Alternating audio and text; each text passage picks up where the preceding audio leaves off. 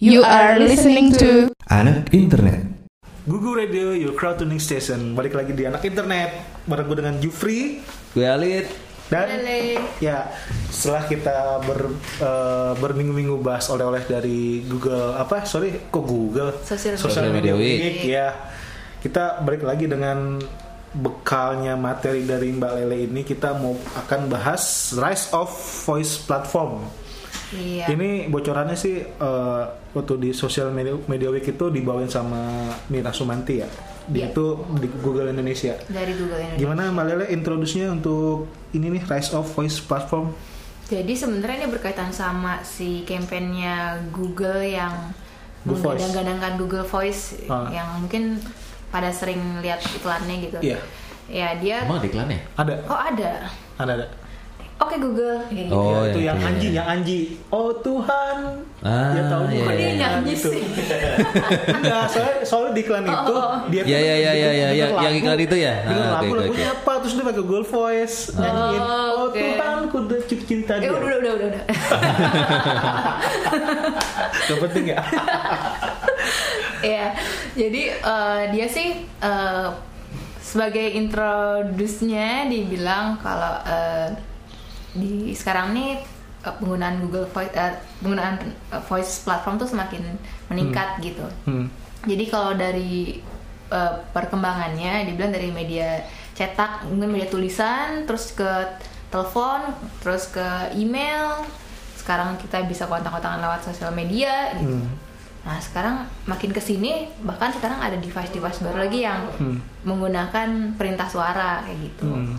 Dia membukanya dengan seperti itu.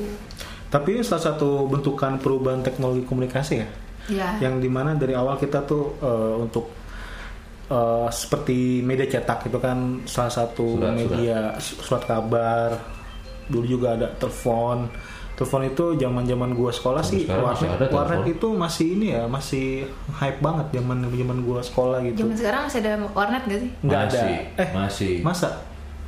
Gua Tapi campur sama game center sekarang. gua gua nggak pernah ngeliat eh, warnet sekarang. Udah nggak seramai itu sih, udah Eh. nggak sebanyak itu. Dan yang dan yang satu lagi eh, telepon residensial itu sekarang udah hampir nggak laku ya kecuali Telkom itu nawarin produk Eh, IndiHome masih gitu kan. sebenarnya masih ada. Jadi bukannya mungkin kalau pengguna baru kalau misalkan ngomongin telepon residential, mungkin kalau pengguna baru mungkin yang bundling. Bundling sama kalau- kalau, ini. Tapi gua- udah nggak laku sih. Gue di rumah gue tuh langganan tel- langganan telepon tuh eh Telkom tuh udah lama banget kayak tahun 98 gitu kan. Semenjak 2012 baru eh, ditutup Hmm. karena dari keluarga gue merasa udah nggak penting lagi gitu kan. Kalau mau ngabarin anaknya atau bapaknya gimana bapak gue gimana gitu ke anaknya dan sebaliknya juga udah ada komunikasi, komunikasi lain. Handphone Gue masih nyala tuh telepon WhatsApp. di rumah gue. Duh, telepon rumah gue bagus lagi nomornya. Eh, oh iya? Iya, di rumah gue juga nomornya lumayan mudah gue diingat. gue juga bagus mau rumah gue 527 1918 Ini diedit nggak? Ini diedit nggak? apa apa Gak apa, kan udah nggak bisa ditelepon. buat Udah apa. Aku juga mau neror gue gue mau punya apa gitu loh Iya, kalau gue sih dulu pernah punya cerita yang aneh sih karena dulu kan eh, ceritanya di rumah gue itu ada satu telepon gitu dan di tetangga gue kebetulan belum punya telepon Oh. dan dia Nah, akhirnya itu, iya, gua tahu. nelfonnya ke rumah gue. Iya. Gua juga. Halo, bisa bicara dengan Pok Yam? Hah? Pok Yam siapa ya? Ah gitu aja nggak mau, terus dimatiin plek. Lah, kan gue nggak tahu ternyata nama tetangga gue Pok Yam. Tapi Kalau, eh.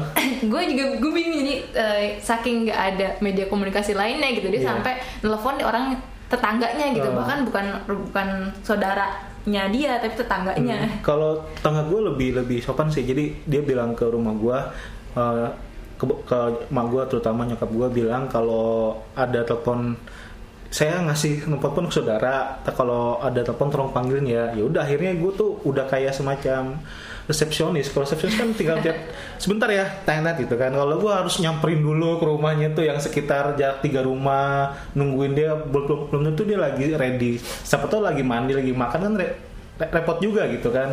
Jadi gue gue juga pribadi sebagai eh, tuan rumah yang punya telepon zaman itu itu juga merasa masa risih sih sebenarnya. Tapi ya gimana lah namanya juga hidup ber hidup bertetangga harus bersosialisasi. Kalau gue dulu teleponnya gembok, jadi nggak bisa pakai telepon keluar. bisa Oh, gitu. pakai penggaris kan Hah?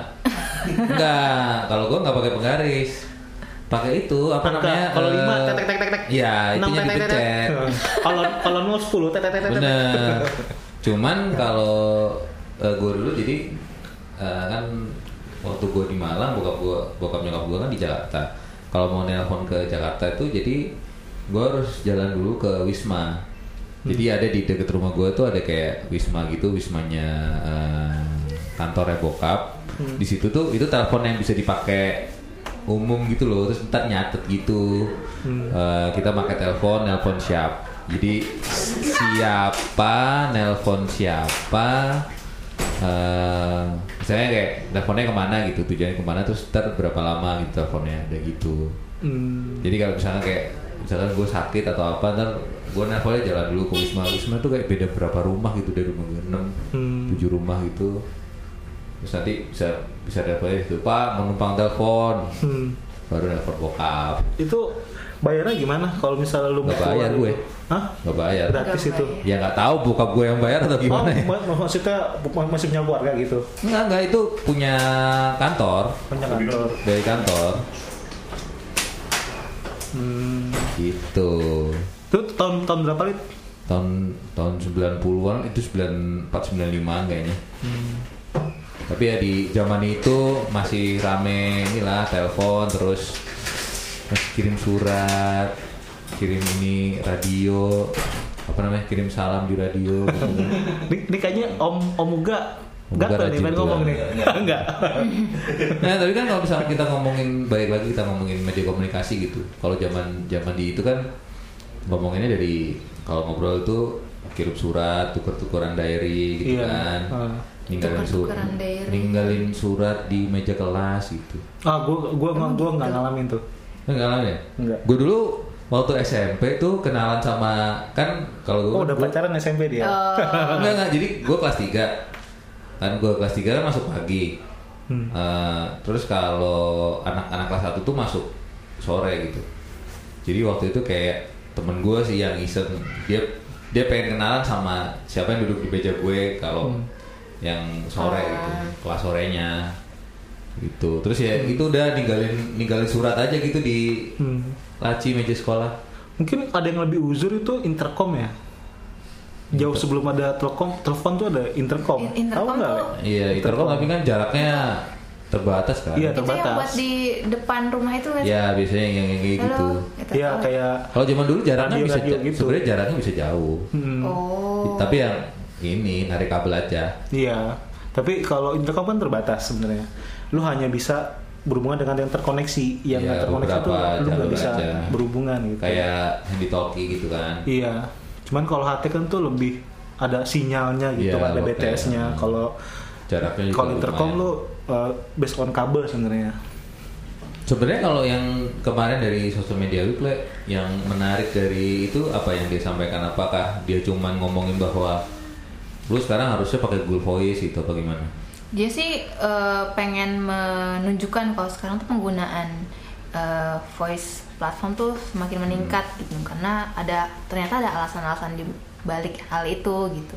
Kenapa mungkin eh, yang lebih familiar menggunakan ini adalah anak-anak yang muda gitu, anak-anak remaja yang eh, memang udah terbiasa dengan uh, smartphone-nya gitu. Udah biasa ngutik ngutak ngatik gitu kalau misalnya gue kan sebagai pengguna uh, Samsung gue juga akhirnya set- setelah ikutan sosial media Week. week itu baru tahu kalau ternyata si Samsung punya si Galaxy namanya yaitu Hmm. AI ya, personal assistant jadi Hmm. ya gue bisa googling ya istilahnya gue minta searching apa gitu dia akan oke gue cariin gue cariin Berarti itu mirip-mirip Siri ya.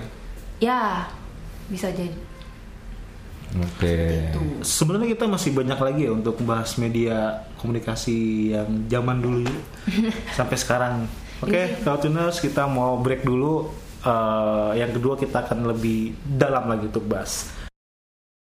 balik lagi di anak internet Yeay. Yeay, Gugu Radio. tuning station. Oke, eh, kita tadi bahas AI-nya apa namanya? Samsung ya. Eh, AI-nya Samsung tadi Yang- Lele sempat ngomong soal si? Galaxy. Galaxy. Galaxy, iya. Gue dulu yang pernah cobain tuh sebenarnya waktu awal-awal eh, Google ngeluarin voice search itu loh yang kayak lu di mana aja bisa ngomong oke Google gitu. Hmm, Gua- sempat coba. Sempat gue nyobain sama Mas Plak tuh berdua di di balkon.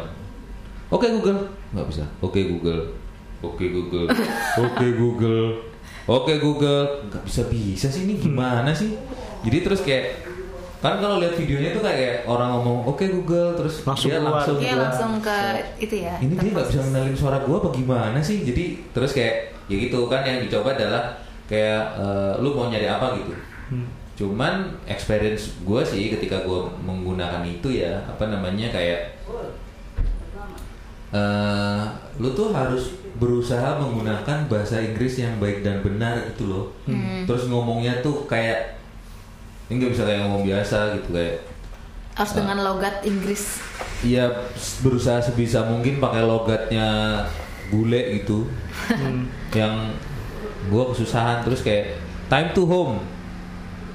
Kadang dia bisa dapetin apa kalau nggak gitu misalkan where is apa? gitu itu tuh kadang kan dia pasti kan di convert jadi teks dulu kan Hmm. untuk convert jadi teks terus jadinya aneh kalau Google apa namanya Google Voice yang dulu sih gitu gue belum nyobain sih yang Si sekarang Galaxy gue coba juga seperti itu sih. Jadi eh, pernah gue minta cari apa, terus ternyata pronunciation gue kurang bagus dan Hmm. dia menerjemahkannya jadi hal lain gitu. Itu sering banget kejadian gitu. Nah kalau untuk Google Voice tuh sekarang ada yang berbahasa Indonesia nggak sih? Kalau Google Voice itu emang kalau dari spell sih dia juga masih ini sih masih masih nggak bagus bisa baca gitu. Kadang kalau kita ngomong like dia suka ngomong keluarnya like gitu. Jadi emang eh, di bawah itu seperti kita eh, harus bukan harus sih. Jadi seperti ada feedback Hmm. untuk Google. Nih, coba gua- gua cobain untuk ya. learningnya dia gitu kan. Tapi yang pernah gua ada videonya itu gue Eh, dia itu kalau misal lu logatnya logat Prancis nanti yang keluar Google berbahasa Prancis gitu. Iya kalau lu logatnya logat logatnya logat Jerman yang Google keluar gimana? yang keluar bahasa bahasa Jerman gitu. Kalau yang nggak tahu ternyata gue pakai bahasa Indonesia. Google nggak bisa berpronunciasi Indonesia. Kayak gitu. Gimana tuh? Bisa nggak dicoba Mas Alit? Eh, kalau yang misalkan nyoba bahasa Indonesia nih di mana saya Bisa. dapat? Coba kalau bahasa Inggris soalnya waktu itu pernah nih gue pernah nyobain. Call Jufri. Nggak terjadi apa-apa. kok nggak mau? Coba Nggak. gue coba gue. Oke Dulu- Google. Call lele tewe. Kok? Gue malah Lela. Lolita wet Iya, wah, Padahal, padahal, padahal kan gue Oh berarti Call Lele TW bisa? Gak bisa. Nggak bisa. Kalau kalau gue dulu sih ini dulu pernah yang yang gue berhasil dulu nyoba kayak call plug tuh bisa. Call Jeffrey. Hmm. Dap- bisa gitu emang emang terus miss call gitu bisa dia. Coba tapi emang harus bahasa Inggris kayaknya. Oke Google. Oke Google Oke Google gue nggak nyampe nih Google Nih gue coba gua si kenapa nih? Galaxy Call ya. Alit TW Ini Jufri masih berusaha. Diam aja sih Nih gue coba ya. Oh mungkin Ya. pakai Nih. Hai Galaxy. What time is it? It is 1530. Oh kalau Oh, gue pernah gini eh dia Oke. ngebalesnya pakai suara ya Google Voice Gue gue Google pun juga pakai soal juga Oke Google mana Mana? Show me distance Jakarta to Bandung Harusnya ada Harusnya. Yang lele tapi tadi galaksi. Ini kayaknya iya iya iya kan bukan Google Voice kan Oke Google, ini kayaknya masih banyak perkembangan nih. Iya. Gue kalau yang ini tuh kayak kalau pakai Windows 10 tuh Windows 10 punya Cortana Cortana Oke, ya. Google. Cortana Cuman- tuh sama seperti Show me distance Jakarta to kayak Bandung. sama Siri gitu deh Hmm. Jufri masih berusaha saudara-saudara. Oke, terus Cortana tapi gue nggak pernah coba sih kayak gue merasa itu fitur yang gua bisa nih. gue nggak butuh personal assistance Oke Google, show me distance Jakarta to Semarang. The drive from Jakarta to Semarang is 456.6 kilometers. Terus Semarang. Oke. Jadi kita tuh ada agak agak-agak bule-bule gitu Oke. pronounce-nya. Nah, baru nih dia. Where am I? Kalau kalau tadi ada Tasya, mungkin kita bisa coba Tasya pakai logat Jerman. Iya, dia, Google, dia suruh Google bakal ngomong Jerman nggak gitu? dia suruh pakai logat. Karena ini, yang logat pernah gue lihat video seperti itu, ngomong Peran kita ngomong pakai logat Prancis, eh, yang keluar ya Google bahasa berbahasa Prancis. Tapi sebenarnya gini deh, kalau gue nanya nih, eh, Kak, pada akhirnya ketika kita punya fitur ini, sekarang lu pakainya buat apa coba? Enggak. Personal assistance kalau gue makanya buat nyalain alarm. gue cuma se uh, Maksudnya nyalain alarm tuh gimana? Jadi gue ini kan misalnya kalau gue tap dua kali, terus si galaksinya nyala, gue bilang set alarm jam berapa. Nanti dia akan uh, set alarm, tadi akan nanya balik jam berapa gitu, jam segini, oke gitu. Terus gue berubah pikiran, eh ganti deh alarmnya, change alarmnya. Oke, ganti jam berapa? Jam segini. Oh ya, jam segini diupdate. Ah, gue berasa punya sekretaris. Oh gitu ya. Gue belum pernah mencoba menggunakan ini sih. Tapi kalau apa namanya bel- belum pernah pakai yang buat kayak keperluan sehari-hari gitu loh. Baru kayak iseng-iseng di- doang di baru Cari baru gue cobain. Harus Tapi dari apps ya. kalau yang dari dia li si si orang Google tuh dia ngomong something soal ini nggak maksudnya perubahan eh, pergeseran ini akhirnya si eh, apa namanya banyak nggak sih orang yang pakai si personal assistance ini sebenarnya? Dia sempat menjelaskan itu nggak? dia nggak menunjukkan persentase sih. Eh apa sempet ya? Cuman gue nggak melih nggak sempat nge-capture si slide-nya gitu. Cuman ya dia bilang sekarang tuh sebenarnya orang udah mulai beralih ke sana gitu. Karena ada beberapa keuntungan lah yang mereka ada kelebihan dari penggunaan voice Oke. platforms gitu. Yang antara lain? Antara lain adalah ntar gue contekan dulu ya. Pertama low cost dan small footprint gitu. Low cost tuh maksudnya ya kan udah di yang nggak ada nggak udah, SMS lu udah udah ya ya Nggak, lu udah bayar istilahnya yang lu nggak ngeluarin duit lagi buat Iya. telepon SMS Basically kan sama ya sama kita pakai sosial media gitu Oke, atau pakai iya. aplikasi chat. cuma nggak perlu ngetik Ya, cuman nggak perlu ngetik. Hmm. Sama kalau dia bilangnya small footprint sih berarti ini dong nggak ada small footprint itu kan berarti artinya nggak ada jejaknya gitu iya. hmm. Jadi kayak ya kalau misalnya ada yang bilang millennials tuh YOLO gitu. You only live once. Iya, jadi You memang only live memang once. present banget. Jadi apa yang lo lakukan hari ini tuh ya udah besok kayak nggak bakal lo inget-inget lagi nggak akan lo bahas-bahas lagi ya udah Hmm. dan memang non komit non komital kalau kemarin masih nyambung sama yang kemarin Hmm. Padahal kalau di survei yang lain katanya kenapa retail pada tutup karena millennials pada jajannya yang experience. Iya. yang Wah. experience Iya maksudnya kayak eh, kalau kemarin dari yang kan rame tuh kayak banyak toko retail tutup kan. Terus yang dibahas salah satunya adalah kenapa orang apa namanya para millennials itu udah ah, kelas menengah itu udah nggak suka belanja.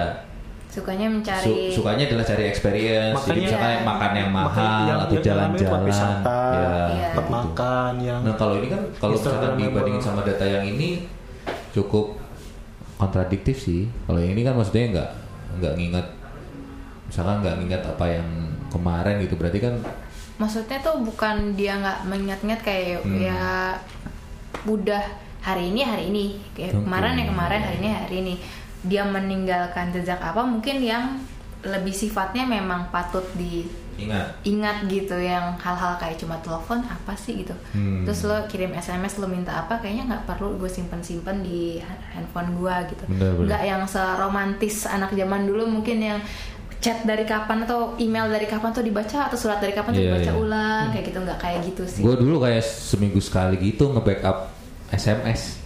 Ya Rajin ampun. banget kayaknya. Rajin banget. Buat apaan? gue chat whatsapp gue tuh Nggak tahu. iya tuh dia gue juga nggak tahu gue gue simpen aja Gue save aja. Gue nggak pernah nge-save save his- history WhatsApp nggak pernah. Takut ketahuan lo ya. Pokoknya ada Pakai ada Telegram, Juk. clear aneh clear gitu gitu aja. Oke. Oke oke oke.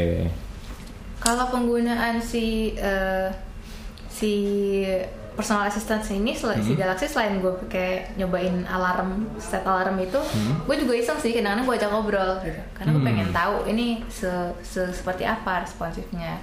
Satu waktu gue cobain nih, Hai Galaxy, Hai gitu. Gue nanya siapa, na- eh, lo siapa? Dijawab kan, I'm Galaxy gitu. Oh, terus eh, gue bisa manggil lo apa? Gitu. Panggil gue Galaxy, terus gue nanya lagi, eh gue mau manggil lo apa ya? You can call me anything. Terus gue gue balas are you mad? No it's rarely for me to be mad. Tapi dia datar cuman kedengeran gue ini kayak lagi bak- marah nih si galaksinya lucu sih. Jadi eh, mungkin selain untuk hal-hal yang fungsional gitu ada juga orang yang pakai personal assistant atau yang voice platform cuma buat iseng doang. Ya ujung-ujungnya kayak her nih. kayak apa? Her. Kayak her wah jangan dong Kalau gue dulu pakai Siri, gue ajak ngobrol aja. oh Cuman ya masih ada kata-kata yang nggak nyambung sih. Akhirnya gue ketik aja, akhirnya dia bi- bi- bisa bales karena gue ketik. Oke, seru banget nih Cloudtuners. Sampai ketemu di sesi 3 ya. Balik lagi di Anak Internet. Yeay. Tetap di Google Radio, your crowd tuning station. Masih bareng gue Alit Gue Jufri. dan Mbak lele Mbak Lele. Kita masih bahas masih ya hal yang sama ya tentang apa tadi? Eh, rise of, Rise of voice, voice platform. platform. voice platform. Jadi eh, kalau yang gue pahami adalah text to speech. Jadi eh, kalau pernah ngeliat searching di YouTube itu ada namanya kalau eh, searching something YouTube ada kan eh, slide tapi di, di Ya, ya, dibacain. Dibacain itu kan. Ya, Di. HP juga ada kan fitur text to speech. Ada, Ya, ada. tapi kan ini untuk keperluan monetasi YouTube gitu kan. Oh. Ada tuh. gue juga banyak sih. Sering tuh sekarang. Baca di komen pada nggak suka gitu-gitu. Banyak tuh sekarang. Jadi kayak lu sebenarnya dia sebenarnya bikin slide doang, terus Iya. suaranya dari text to speech. Ya mungkin eh, mungkin karena bahasa bahasa bahasa Indonesia eh, artikelnya jadi kurang sedap sih ya kalau dinikmatin ya. Ya itu sih kan pakai ini kan, pakai voice apa namanya? Eh, namanya Damayanti tuh voice eh, chat. Eh, ada namanya text to speech.com apa gitu gue lupa. Iya kalau si ini nama ininya namanya Damayanti tuh Sebenarnya di- voice-nya. di, Google juga bisa Google Translate juga bisa Google, Kan? Tra- Google Translate tuh bisa. Masalahnya kan banyak orang nge-save dari Google Translate akhirnya dimasukin ke YouTube di, di monetize dan ujung-ujungnya Google pada Google nggak suka akhirnya tuh eh, hasil reading dari teks itu Hmm. itu sama Google itu di encrypt biar nggak bisa di save gitu. Hmm. Nah kalau di kalau di kalau di kore- korelasi dengan yang kita bahas itu emang ini kebalikannya ya. Jadi kalau misalnya Voice to tadi text. Kalau Mbak Lele bilang itu sebagai asisten pribadi. Kalau gue bukan asisten pribadi, gue malah sebagai teman. Gue ajak ngobrol malah. Temen ngobrol. Kayak dulu gue Ya kan asisten bisa lo ajak ngobrol juga. Iya. kayak Siri kan. gue tanya gender, dia nggak mau ngaku apa gendernya gitu. What is your gender Siri? I, ah, pokoknya intinya gue gue memilih untuk nggak ngomong katanya gitu. Padahal jelas-jelas dari suara suara cewek kan, aneh juga kan. Lo itu kan masuk yang bahasan kita kemarin kenapa chatbot tuh banyak kan personanya cewek. Iya. Kalau Cortana cewek-cewek juga ya Cortana. Cortana tuh Cewek. kayaknya cewek. cewek. Ah. Galaxy cewek. Cewek, Cewek. tadi. Iya. Suaranya suara cewek. Kalau di Google Translate defaultnya juga cewek. Hmm. Tapi eh, emang nggak bisa diubah ke laki sih Google Translate itu Nggak bisa ya? untuk membaca teks itu. Kalau yang screen reader, screen reader itu yang biasa dipakai sama tunanetra. Heeh. Itu kalau bahasa Indonesia ada tuh namanya Damayanti, Iya. itu cewek. Tapi ada juga yang cowok. Kalau bahasa Inggris tuh ada juga yang yang suaranya cowok. Cuman Hmm. kalau gue sih emang kalau dengerin kayak gitu emang lebih seneng dengerin suara cewek sih. Iya. Lu gimana, Le, sebagai cewek lu lebih nyaman suara cewek atau suara, suara cowok? Karena lu kan kita tahu sendiri kan ternyata Iya. banyak banyak banyak banget karakter cewek tuh dijadikan platform voice. Gue nggak masalah sih yang Nggak mana masalah. aja. Maksudnya nggak ada yang ya gue karena gue merasa itu Masalah sih yang penting gak nyenggol-nyenggol gue. Iya. itu uh, device gitu. Itu bukan the real person. Jadi gue nggak kurang itu ya sih. Eh, mau Hmm. cewek mau cowok, gue ngomongnya sama device gitu. Gue bukan Iya. sama the real person. Jadi nggak masalah gitu.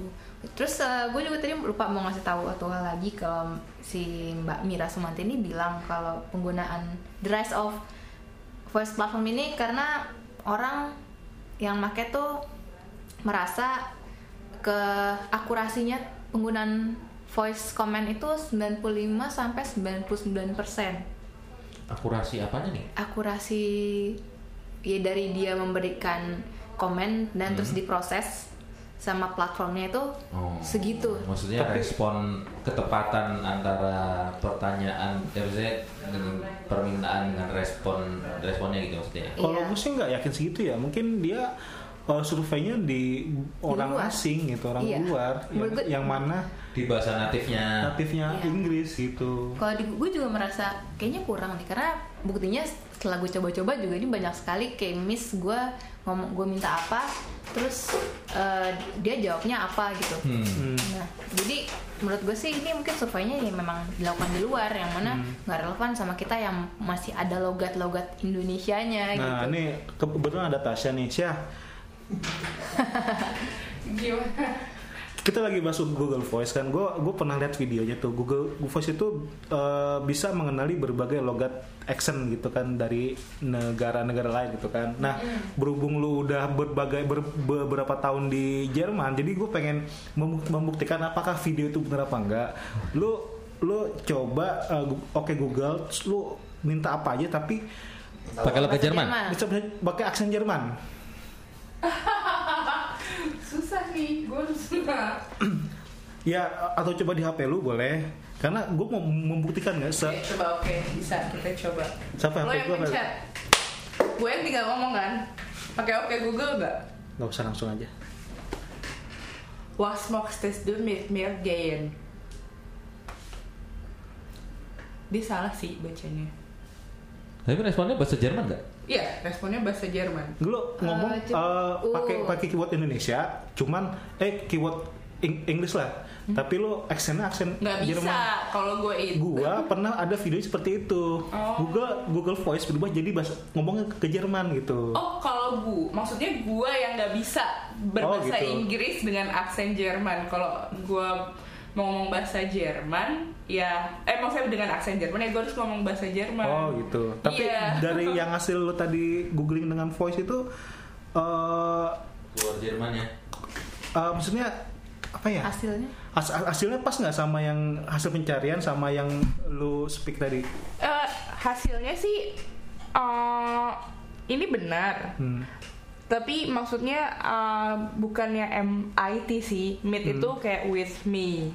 Oh gitu. harusnya sebenarnya tapi ini dia kayak tapi yang paling atas tuh bener wills do meet me again itu tuh kayak uh, apa ya bahasa Indonesia uh, gue harus eh menurut lo gue hari hari ini mau ngapain ya hari ini gue harus ke mana gitu misalnya Hmm. Oke. Iya, jadi kita lagi membahas keak- keakuratan, ketepatan menebak apa menebak Bukan menebak, menerjemahkan. menerjemahkan gitu kan.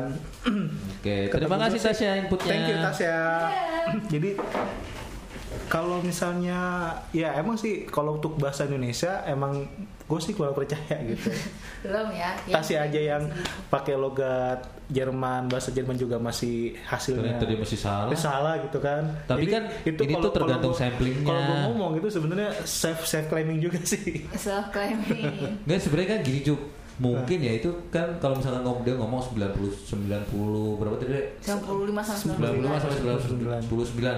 Kalau misalkan samplingnya ada 100 juta yang salah cuma yang kalau 99% tuh yang yang gagal cuma 1 juta loh. Kalau misalkan misalkan nih 200 juta penduduk Indonesia yang pakai internet eh pengguna internet Indonesia itu ya hampir 200 juta. Enggak Ya eh 100 160-an gitu lah. yang yang jelas sih kalau pengguna aktif aktif user Facebook terus 100 juta misalkan nih 100 juta kita di 100 juta pakai itu yang kalau misalkan 99% yang salah 1 juta doang doang. dikit Doang. ya itu kan 1 juta dari 90 eh dari 100 juta kan kecil tapi emang samplingnya berarti harus banyak cuman kan kita nggak tahu nih samplingnya ada berapa banyak Samplingnya di mana? Iya, nah ini misalkan dari satu juta itu, misalkan tadi lu berdua sama Lele yang dua dari satu juta ya jauh lah. gitu. Tapi sebenarnya sih kalau yang menarik menurut gue bukan soal personal assistantnya sih, tapi emang itu tadi loh, maksudnya klaimnya dia yang kayak uh, small foot apa namanya small footprints gitu-gitu yang Hmm. bisa di ini nggak bisa di apa ya mungkin nggak bisa disadap kali ya Hmm. karena uh, dari omongan tapi menurut gue juga salah satunya belum tentu juga itu nggak disimpan sama Google tuh hasil pencarian kayak gitu-gitu. Iya. Oke, Kartunas, bahasan kita udah selesai nih Iya, di. YouTube anak internet minggu ini. Eh, apa nih yang mau kita sampaikan nih? Kan kita kemarin kan agak-agak nyambung tuh soal meme GIF Iya, iya. gitu. Uh, ber- bergaya agak bijak di akhir episode. Oke, Iya, mungkin. Alif punya masukan Silakan apa nih? Alif. Kenapa jadi gue? ya kan dia ngide. Oh iya juga. Kalau gue sih ya tetap seperti biasa gunakan eh, internet dengan bijak wahai kawan-kawanku. Iya. Karena Kalau- kita nggak tahu nih belum tentu semua orang tuh bisa sebijak itu gitu maksudnya Hmm. kita eh, apa namanya kita ngomong aja kadang orang nanggepnya bisa salah Iya. apalagi kalau misalkan kita nulis eh, belum tentu juga dia ntar nangkepnya bener hmm, Oh, seperti yang kita maksud gitu hmm. ntar kayak kemarin lagi masuk polisi kan jadinya Eh, kalau gue sih, gue juga nggak ngerti apa yang mesti gue keluarin kalimat bijaknya. Pokoknya intinya manfaatkanlah teknologi, apalagi voice ah voice platform ya. Iya. Iya, Voice nyarinya baik-baik lah Voice platform ini emang banyak berfungsi untuk membantu kegiatan kita sehari-hari kayak misal Mbak Lele tuh setting alarm, bangunin gitu. Kalau gue pribadi sih buat ngajak ngobrol Siri walaupun sebenarnya kalau gue tanya gendernya apa dia better not describe gitu aneh juga sih padahal dia jelas su- suaranya perempuan Masih kekeh. Oke. Ya nggak apa-apa Oke, Kratuners. Kratuners, kita ketemu lagi minggu depan dengan bahasan yang lebih menarik. Gue Jufri, gue Alit Gue lele. kita pamit ya, bye.